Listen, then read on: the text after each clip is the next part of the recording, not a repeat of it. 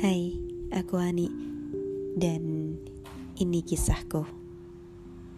Kisah cinta yang dimulai cukup lama dengan seseorang